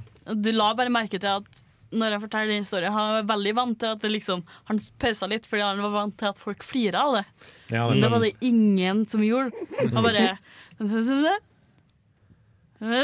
Ja, ja. altså til slutt, ikke sant Når jeg var ferdig, så bare ja! Alle klapper fordi det er ferdig. Jo, men det som er greia med markedsføringen til Fifa, er at de tar alltid så fikser på et eller annet teknisk, sånn at du snuser litt over det hele. Så det de alltid tar og fokuserer på, er fotball, folkens. Fotball. It's the beautiful game. Fotball. Og det er få folk som klarer å si fotball bedre enn Pelé, bare at han ikke var spesielt flink når du må få han til å si fotball i fem minutter i strekk i gebrokken engelsk. Men Oh, yeah. det var heldigvis andre ting enn det som skjedde her. Det var vanskelig å få med seg at det var andre ting enn EA Sports, fordi at EA kjærte i tillegg sånn 25 minutter utover det de egentlig skulle, bare for å få Ja, presse inn lenger, ja. Mm. så masse sport som mulig. Men vi har heldigvis også Star Wars. Til slutt, etter altså 55 minutter, så fikk vi til slutt Star Wars Battlefront, som så veldig kult. Det ser veldig stilig ut. Jeg tror ikke det kommer til å se sånn ut når det lanseres. Vel, de spilte på PlayStation 4.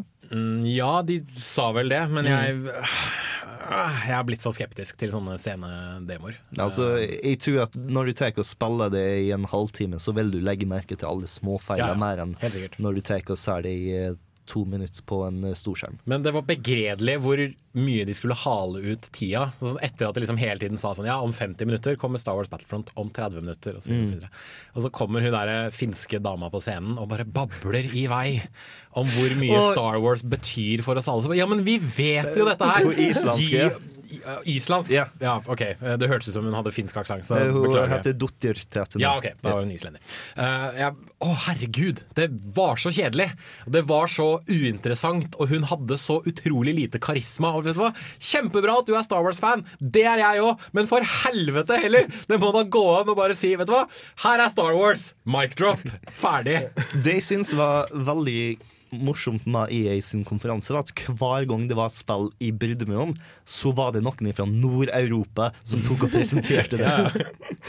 Og Først så trodde jeg at det var den dama som kom ut og snakka om mobilspill du nevnte. Fordi at det var sånn og- Hei, folkens! Mobilspill! Og du bare følte Let's talk about sånn mobile. Nei, all energien bare det, var liksom, det, er som å ha en, ba- det er som å ha en ballong og liksom bare slippe ut all lufta sånn derre Lyd. Akkurat sånn var det å se den pressekonferansen. Nei, da, ja. Det var Jeg husker jeg vrei meg når jeg hørte det. Let's talk about mobile. Yeah. Let's nei.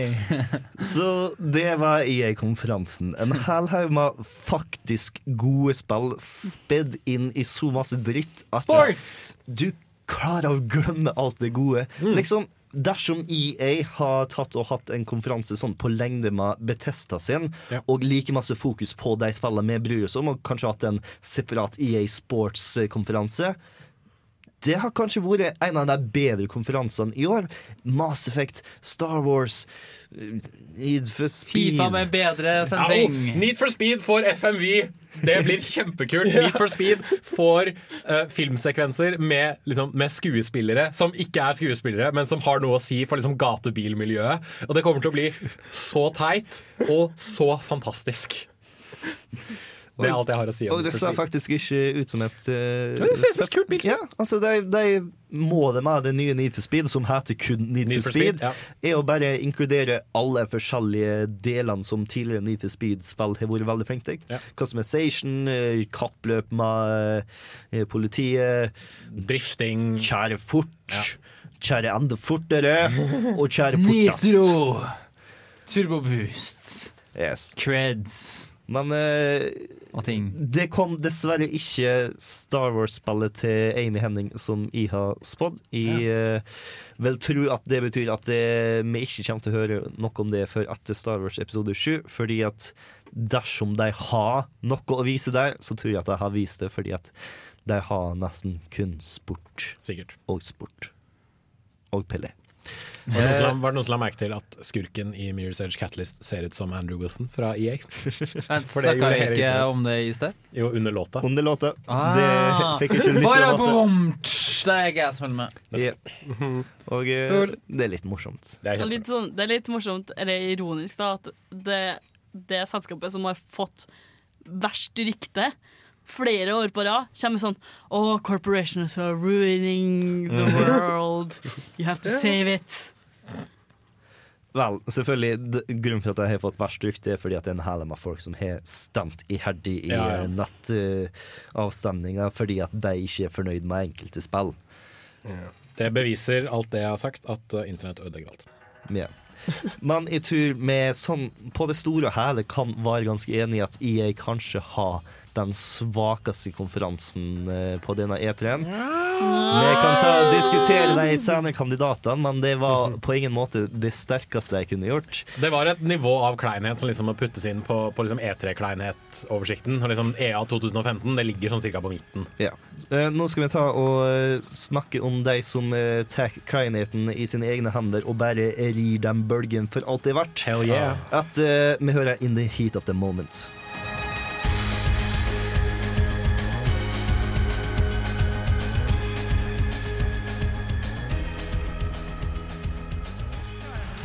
First of all, I'd just like to say that these mics are fucking dumb. and I feel like an idiot wearing it. Don't act like you don't wear those during sex every Look single night, these. my friend. Look at this. you. You guys look great. Come on. Thank you. You look like you're going to take my order. I want french fries. Supersize it.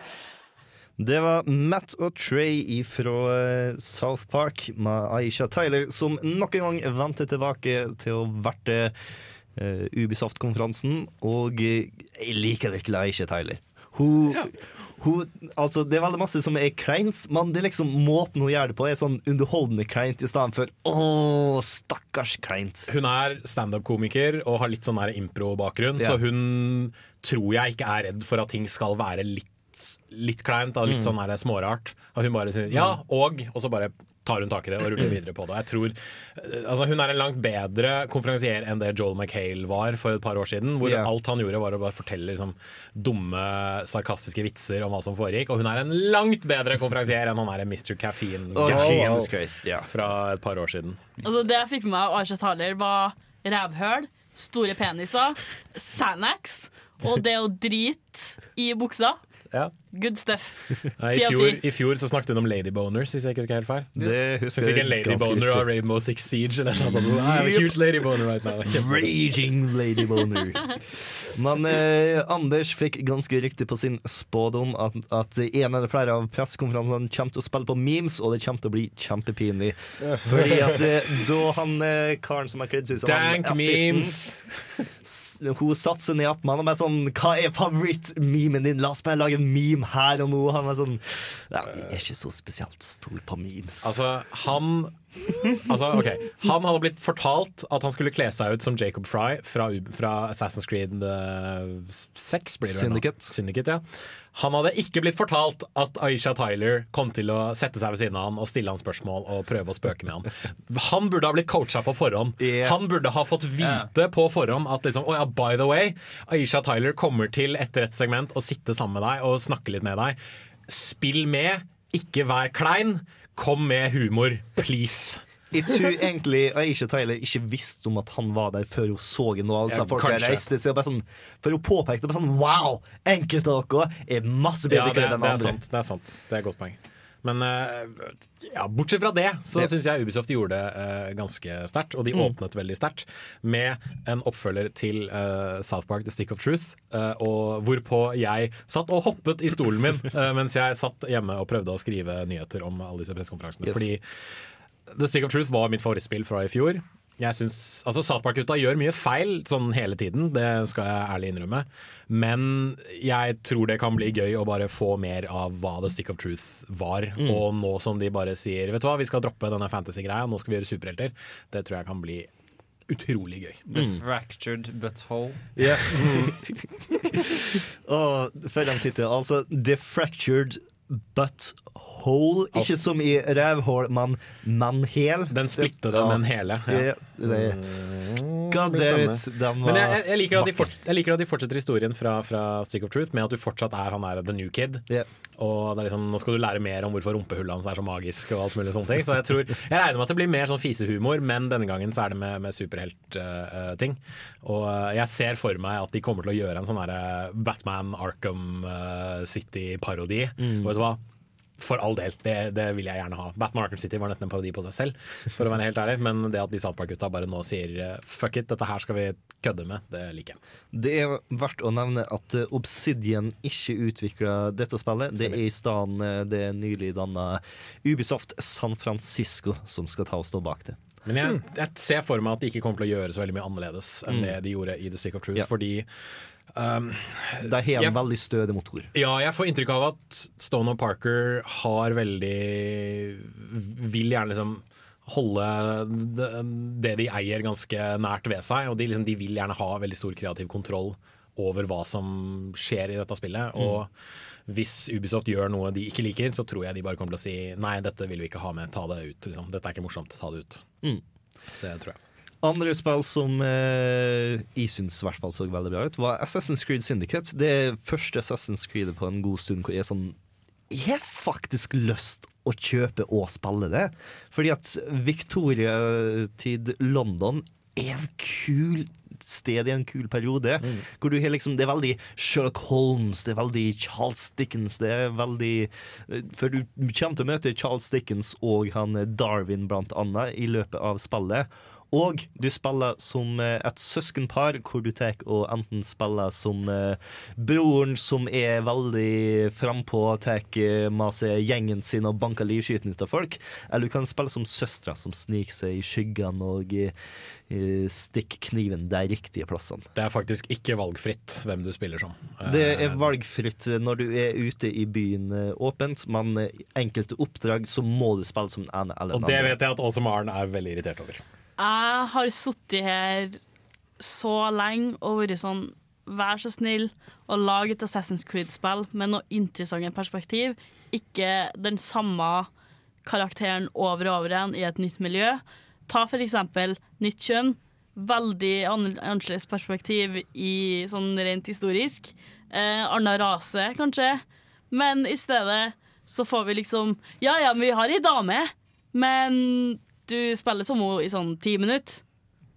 Så det er liksom sånn Det kan hende at det er mer enn ti det- minutter. La, Ja, men- la, ja, men vi, vi er lager liksom den, så- og så tar vi med når vi anmelder Assassin's Creed Syndicate. Og så ser vi Blir det mer ikke, um, er, Mer det blir eller ikke, det mindre det blir ikke Assassin's Creed Syndicate-anmeldelse. Det blir Hadde Åse Maren rett eller ikke? Ja, men det er så Altså, half-assed.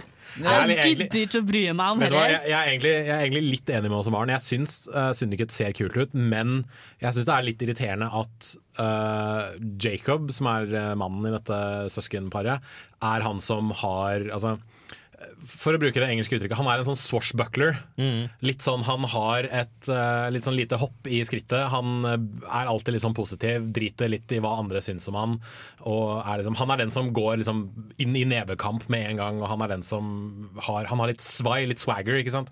Mens dama er hun som altså Evie er hun som uh, skulker rundt i skyggene, og hun er liksom den stille og, og mørke av dem. Og det er sånn det er ikke bare en typisk Ubisoft-ting å gjøre, men det er bare en sånn typisk fiksjonsting å gjøre også. At liksom, mannfolket er han som er den kule av dem, og han er den som, eh, som får ting gjort. Og bare sånn 'Ja, men dette går bra, ikke er ikke bekymra. Hvorfor kunne ikke de to rollene bare vært snudd? Fordi liksom, hvorfor kan ikke Jeg er veldig enig med det som Maren sier. Det er veldig sånn Fordi. Victoria London ikke var helt den plassen hvor en kvinne burde være leder. fullstendig enig, fullstendig enig, men da hvorfor ikke bare gjøre henne til en sånn som bare sier drit i normalen, jeg vil være den jeg er. Eh, fordi jeg er ganske lei av at liksom ja, det funka ikke med en seriøs uh, hovedperson i Assassin's Creed 3, det skal jeg absolutt innrømme, men jeg tror det kunne altså, I og med at de skal da liksom spille på hverandre, haha, spille, uh, så tror jeg det kan fungere litt bedre da, i hvert fall. Eh, jeg syns det er litt sånn Det er litt sånn landskapsarbeid. Jeg har lyst til å ta og spille det endelige spillet før jeg tar og sier noe om hvordan denne fordelingen fungerer. Men det nå jeg synes måten Insecten presterte på, var at på Ubisoft-konferansen Der annonserte de jo kun at det skulle være Assassin's Creed Syndicate. Altså at det kom til å være en mannlig skuespiller. Ja, at det skulle være en eh, mannlig hovedperson. Det Altså, var han, han, altså, hun blir vist fram i noen sånne her, det var, men det var i eh. Sony-konferansen at det var noe fokus på det. Ja, ja, Ja.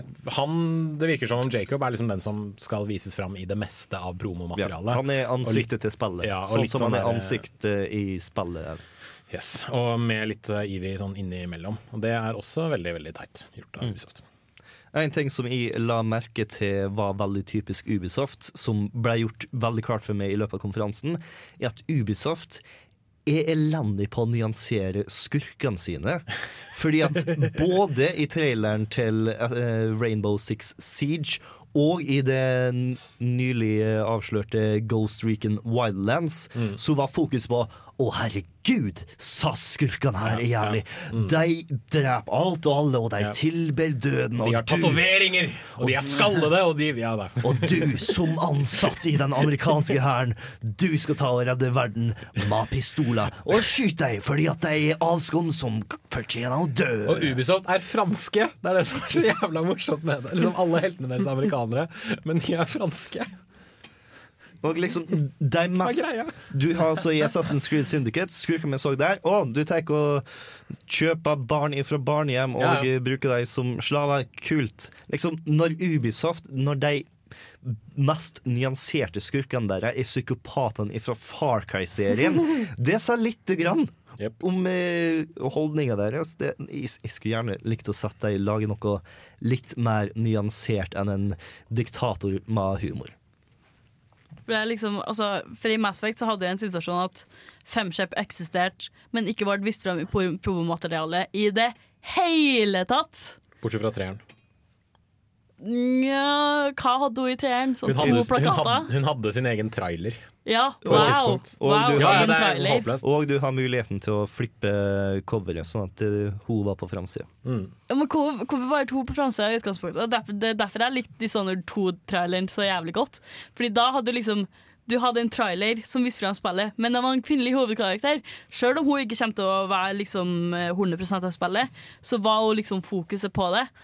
Og mens her så har du liksom Ja, ja, vi har med en kvinnelig hovedkarakter, og så viser de ikke henne i det hele tatt i Assassin's Creed Syndicat. da. Mm. Så det, det liksom legger til at de bryr seg egentlig ikke om denne kvinnelige karakteren. i det hele tatt. De legger det bare inn fordi jeg og alle andre jenter som spiller Assassin's Creed, har drevet og masa om dette siden toeren, sikkert. Som sagt, jeg vil i hvert fall ta og vente til jeg ser det endelige spillet før jeg ser noe. Eh, jeg kan kjapt bare ta og nevne hva som ellers ble annonsert på eh, Ubisoft. For Honor, som var et uh, multiplayer-spill med sverd. Flere Moba-spill! Yeah. det så eh, litt kult ut, i hvert fall hvis jeg klarer å få uh, sverdslåssing til å fungere skikkelig.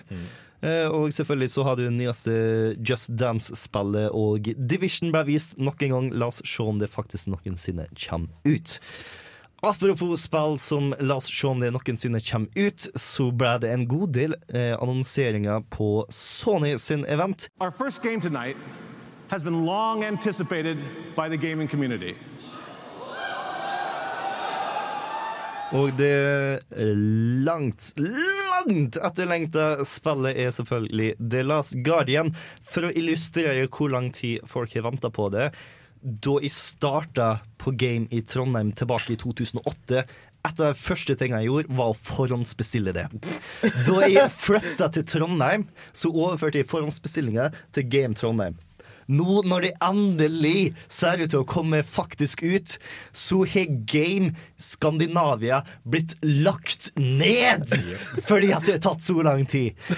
Jesus Christ, Tibiko! Det er pga. dere, Team Myko, at game ikke eksisterer lenger. Ja, har vi bare hatt det Last Guardian å selge? Åtte år har det spillet vært under utvikling, Mm. og nå skal det slippes neste år. Så det har vært under utvikling i ni år. Yeah. Det er nesten på nippet til å bli en Duke Nukem Forever-fiasko på nytt igjen. Og det er Ja, altså I løpet av årets E3 så har de tatt fra oss tre av liksom grunnpilarene for liksom spillbasert humor. Altså liksom spillbaserte vitser på internett. Og det er at de sa at The Last Guardian eksisterer fortsatt, og det kommer neste år. De sa at det vil komme en uh, remake av Final Fantasy 7. Og de, sa, eller de lanserte en kickstarter for Shenmue 3. Mm. Og det var liksom de tre spillene ingen trodde kom til å skje hele tiden, fordi alle drev og maste om det alltid. Og så plutselig så har de bare satt Nei, dette her skal vi, nå skal vi plutselig gjøre dette. Hva skal vi, hva skal vi spøke om nå, liksom? Og Half-Life 3? Ja, men det kommer. ja. Du har alltid Half-Life 3. Men hvis den kommer, så da har vi ingenting. Gabe, du, du har ikke noe annet valg enn å ta og bare vente til noe annet er gammelt nok. Men ja, The Last Guardian jeg er faktisk litt overraska over hvor likt det så ut som det vi så tidligere. Fordi at det har vært så lang tid i utvikling at de nesten lurte på om det bare har gått til et helt nytt konsept. Men nei, det så eh, veldig likt ut. Og eh, ikke sånn eh, Å, det ser ut som et PlayStation 3-spill likt ut, men sånn Å, oh, dette er et spill jeg gleder meg til som faktisk kommer likt ut. Og Final Fantasy 7 eh, Remake, nå det kommer til å bli eh, ganske spennende. Eh, men eh, det spillet som jeg faktisk ble mest gira på i løpet av Sony-konferansen, var Hitman. Fordi Hitman, som nå blir på en måte reboota, fordi at det som skjer i Absolution, ser ikke ut til å ha faktisk skjedd i dette spillet, og han ser sånn 10-20 år yngre ut enn han vanligvis gjør, er at de fokuserer nå på oppdrag istedenfor historie. Grunnen for at jeg ikke likte Absolution, var fordi at historien kom i veien for det morsomme oppdraget. Og Hitman handler kun om oppdrag. Litt som Bloodman i år, som er favoritt-Hitman-spillet mitt. Så jeg gleder meg veldig til det. Uh, for øvrig så har vi enda mer Star Wars Battlefront. Vi har enda mer Assassin's Creed Syndicate. Og et par kule uh, Sony-eksklusive spill. Du har uh, Dreams av uh, Ja. Micro Hva heter den? Media Molecule. Media Molecule, de som lagde Little Big Planet, som er kanskje et av de mest eksperimentelle spillene jeg noensinne har sett. Mm. Fordi at du skal ta og designe drømmer og bare Jeg er ikke helt 100 sikker på hva du skal gjøre i det spillet, men som de sa på scenen, det er først når du faktisk har spilt det, at du forstår hva spillet er. Mm. Du har så Horizon Zero Dawn, som så dritkult ut. Ja. Laga av eh, Guerrilla, de som har laget blant annet Killzone. Killzone. Killzone. Og eh, det er en framtid så lang tid i framtiden at sivilisasjonen sivilisasjonen er gått til helvete. Vi har huleboere, mer eller mindre, og- maskindyr som de jakter på med eh, relativt høyteknologisk våpen, men de har ikke teknologi nok til å skru på lyset hjemme. Det, og det ser ut som en spennende verden. Og jeg syns det var en av de mest perfekte revealene også. Det starta med skikkelig Det starta med en tekstplakat som erklærte at alt dere så, var rendra av en PlayStation 4. Ja, men det sier de alltid. Ja. Og så videre så får du liksom sett denne verdenen. Dette er en postapokalyptisk verden som ikke er ørken. Ja. Det er masse Det er naturen har tatt over sivilisasjonen, liksom. Og så masse sånne fine omgivelser og sånt. Og så går du ser du hovedpersonen, og så plutselig så er det gameplay. Så det er, det, er, det er ikke bare at det ser fint ut, er, du ser også hvordan det gjerne blir spilt. Mm. Og så har jo selvfølgelig det store navnet blant uh, Sony-eksklusivene. Du har Uncharted. Som eh, Der har du noe de kan lage narr av. Når de ikke kunne styre Drake Yeah. og måtte reboote. Det fikk jeg ikke med meg. Jeg så ikke den konkurransen. Det var for seint på de, kvelden de satte i gang eh, demoen, og så sto Nathan Drake der nå i et fullt minutt. Og det var liksom den gradvise innsjåinga i at noe har gått ganske kraftig feil. Bare sånn ah, Burde ikke han bevege seg? OK, det er noen som får meg med kontrollen. Bur- Burde ikke han bevege seg nå? Oh shit! Oh shit, Det er noen som er virkelig i panikk nå. Oh shit! Det er noen som sikkert har fått sparken nå! Oh shit! Og der restarta jeg hele demoen. Og nå funker ting fint. Mm, skjønner. Uh, det fikk jeg ikke med meg, men jeg mener, jeg mener jeg hørte noe om det sånn i ettertid. Men en ting jeg uh, fortsatt lurer på, uh, er kjære Naughty Dog, når får vi Uncarted? Fordi nå har dere, dere brutt mønsteret dere satte med Crash Bandicoot. Liksom, poenget er det skal være en trilogi, og så kommer det en kart racer. Vi fikk tre Crash Bandicoot-spill, og så fikk vi Crash Team Racing. Vi fikk tre Jack and Daxter-spill, og så fikk vi der Jack X, eller hva faen det het, som også var en kart racer. Vi har fått tre Uncharted-spill. Hvor er Uncarted? Du fikk ikke Uncarted, men du har fått Uncarded. Ta Ja. kortspillet til Vitan. Så du- du- jeg har ikke en PlayStation Vita, så Så det er nødvendigvis ikke en eh, kart racer, det handler om det er bare en spin-off. Har du tenkt på det, Jens Erik? Nei, det har jeg ikke tenkt på. Det skal være en kart racer. Vel, demon, Alltid kart racer.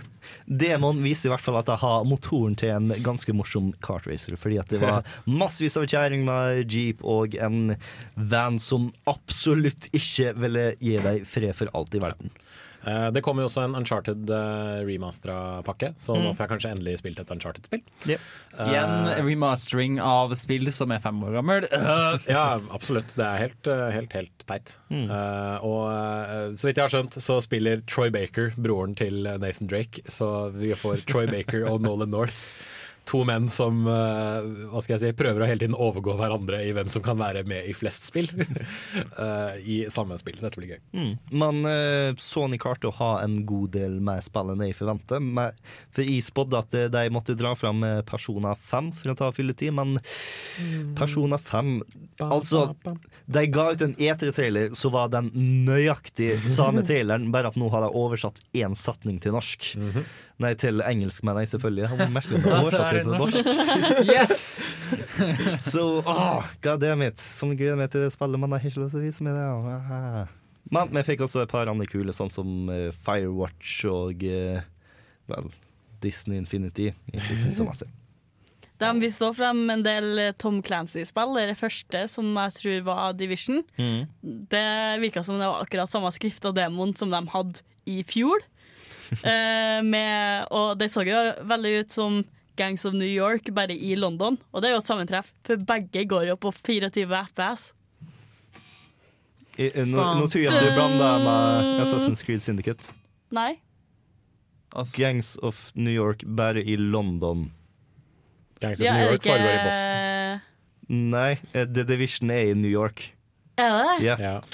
Oh. Det er, det er Assassin's Creed Shit, Syndicate ass. som jeg faktisk tenkte ser ut som Gangs of New York, bare i London. Oh. Ja, de, er- de er kledd veldig likt som eh, de i Gangs of New York. shit, ass. Du vet hva du sier, du lærer noe nytt hver dag. Yep. Shit. I dag så er det forskjell mellom The Division og Assassin's Creed Syndicate. What a time. Eh, men vi begynner å gå ganske kraftig tom av tid, så eh, jeg vil si at det er ganske trygt å si at Sony vant. For når du tar og drar fram tre reliker som ingen trodde kunne eksistere, og bare sånn Se på hva vi bringer til dere! Look upon it and tremble! Så er det vanskelig å slå deg, egentlig.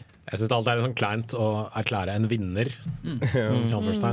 Men jeg vil si at Sony hadde den presentasjonen som var Altså, som var best, holdt jeg på å si.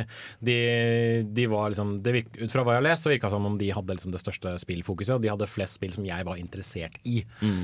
rett og slett. Men jeg syns egentlig Microsoft har gjort det beste trekket med bakoverkompabilitet. Mm. Sånn altså, det er et ganske stort steg, ass. Selv om det kanskje var PC-en som Ja, bakoverkompatibilitet, OK, neste. Men altså Veldig smart trekk Mm. av Microsoft. Ja, det var Absolutt. kanskje den største annonseringa for deres del. Det skal jeg si meg enig i. Men eh, legg merke til at det er ingen som foreslår Nintendo som eh, vinner her. Ja, og Grunnen for det kommer vi tilbake til etter at vi tar og hører litt av eh, Cornelia fra Star Fox. Dette her er Super Smash Bros. Brawl-versjonen.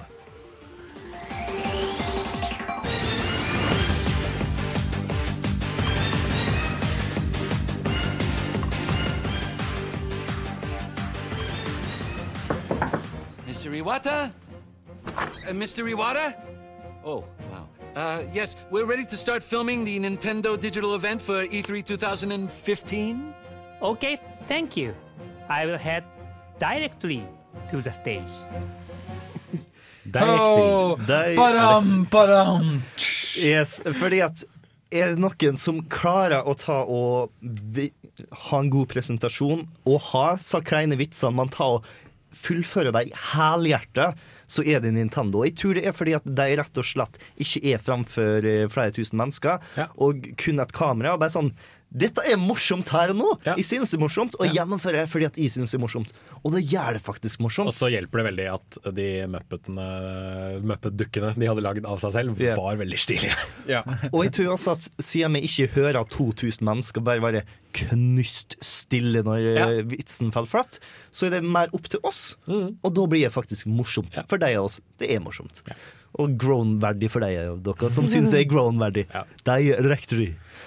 Ah, men, høydepunktet var også selvfølgelig da Iavata ba eh, Shigeru Miyamoto om å du har bare roll.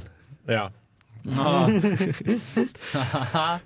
Nå er scenen her, ass. Ja, Nintendo, altså. Uh, selve liksom, sendinga deres var morsom, men som eh, du nevnte under uh, musikken, Bård, at de har egentlig ikke vist fram så fryktelig mye. Nei. Det viser fram en del ting vi har visst eh, skal altså visst kom, Som vi visste at kommer. Uh, Yoshi's Woolly World viste litt Mm. fram, som er et eh, pent og nydelig fantastisk spill. De viste fram litt mer av det nye Fire Emblem, Fire Emblem Fates, som uh, liksom, Filmsekvensene ser nydelige ut. Mm.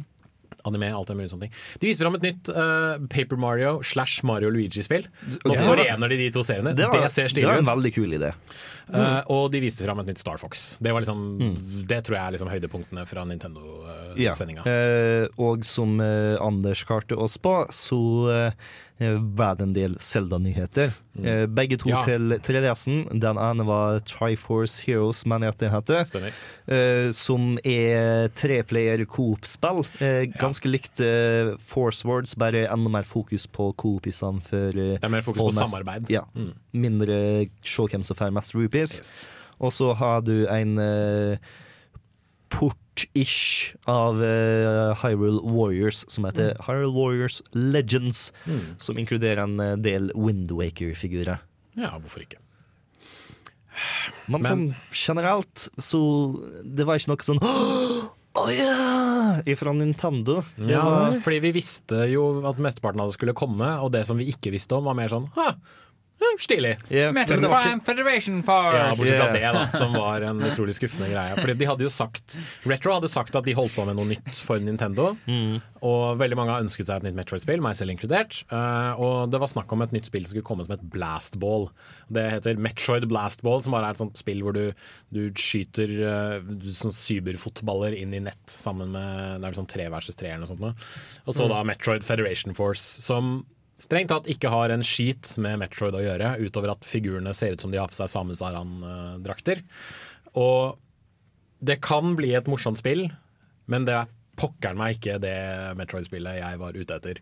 Jeg ser for meg at Retro Studios sa hei, vi, har laget, eller vi vil lage et spill som handler om dette. Du er et lag på fire, så skal du eh, skyte deg gjennom masse forskjellige ting. Og så sier Nintendo ja, det ser stilig ut, men hvorfor ikke sette det i Metroid-universet? Men er, det er vel ikke Retro Studio som står bak dette her? Jo. Ah, ja, jeg tror det var Next Level eh, Games. Uh, nå ble jeg faktisk veldig usikker. Da skal jeg slå det opp på PC-en min. I mellomtida så har jeg lyst til å ta og bringe opp en liten diskusjon. I stedet for eh, er E3 fremdeles relevant, som har blitt diskutert en god del ganger før, så har jeg lyst til å spørre er det på tide at eh, E3 tar og endrer litt format, og da spesielt konferansene. Fordi at, eh, som sagt, Nintendo har en så god videopresentasjon at du glemte at de ikke har noe særlig av spill, mens E- eh, EA har en så dårlig eh, konferanse at du glemte at de har gode spill, fordi at det var såpass langdrygt. Men altså, for eksempel Bethesda hadde jo en kjempebra. Og Mm. liksom, problemet mitt med EA var at liksom jeg som har tatt kanskje som tok et, semester i tullefag som har sånn hvordan ha en tale, liksom, Mhm. kunne si at OK, du skal ikke gjøre det, du skal ikke gjøre det, du skal ikke gjøre det. Du kan gjøre det her istedenfor. Og jeg tenker liksom, hvis du hadde gitt dem kursing liksom en time, så hadde liksom presentasjonen der allerede vært liksom mye bedre. Mm. Hadde fått en skikkelig showrunner til å sette gjennom det og sagt at nei, det her skal du ikke gjøre. Ja, det kan du ikke gjøre. Nei, ikke det. Så hadde det sett mye bedre ut allerede. ikke sant? Og bare få det mer konsist. da. Så jeg tror nok det handler mer bare om at de må ta det litt mer seriøst. da. Men samtidig så synes jeg liksom det er litt av E3-greia òg. At liksom du har jo noen skikkelig bra som er sånn wow, nå er plutselig E3 magisk igjen. Og så har du noen litt kleine som du bare sitter og ler av. Og så, jeg vet ikke, For meg så er det litt av E3, da.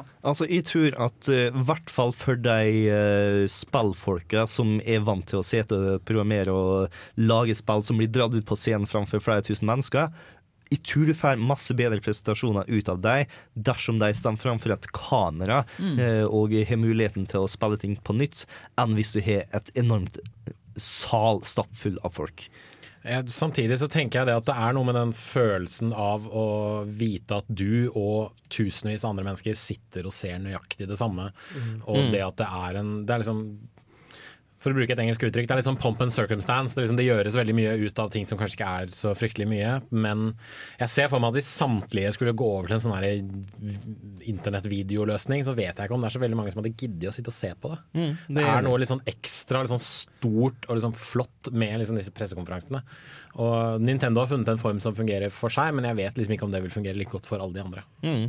En annen form som eh, ble introdusert, eller i hvert fall gjort litt større i løpet av E3, var PC Gamer sin konferanse. Som Mm. jeg vet ikke helt om burde blitt ansett på den måten som den ble, fordi at den var liksom framstilt som om den var på høyde med Sony og Microsoft sine, og det var den på må ingen måte ikke. Det var en større, mer produksjonsvalue-versjon av det samme som IGN og GameSpot alle sammen gjør. Det var litt sånn talkshow-aktig. Ja, hvor Mm. de bare tar og introduserer folk og snakker litt mer i dybden om spill. Mm. Hvor de har mer eksklusive ting, og de har større publikum. Og altså, sjølve formatet syntes jeg fungerte veldig godt, fordi at uh, han eh, Tech9 fikk veldig masse godt ut av de folka som var vant til å utvikle spill. Eh, f- f- Snakke flaut masse bedre enn uh, når de sto framfor 1000 mennesker alene og har nødt til å ta og Mm. framføre den talen de har sagt. Problemet er selvfølgelig bare at de kom ikke med noe som var interessant. Så ja. For første gang vi feirer PC-gamere har eh, hatt et slags vakuum når det kommer til om No Man's Sky kom til å komme til PC i det hele tatt. Det fikk vi visst da. Uh, American Truck Simulator kommer. Ja. Men ellers så pika den konferansen med Mountain Dew i et vinglass. Å ja, den åpningen var fantastisk. Hvor de skulle ta og gjøre eh, PC gaming til det mest classy noensinne. Åh. Og så, å, ok, så ble det en- et vinglass fylt med Mountain Dew. Ja, ja, ja. altså, Det var sånn åpna swirl av det åpna som om det var champagne, bare brusa over. Jeg hadde liksom håpa at uh, når AMD skulle ha sin del, at de hadde en skikkelig sånn artig sånn infomercial-greie. Sånn, noen som prøver å stappe et Nvidia-kort inn i CD-driven, liksom. Men så fikk vi bare Her er et kort. En koffert med, en, med et kort. Mm.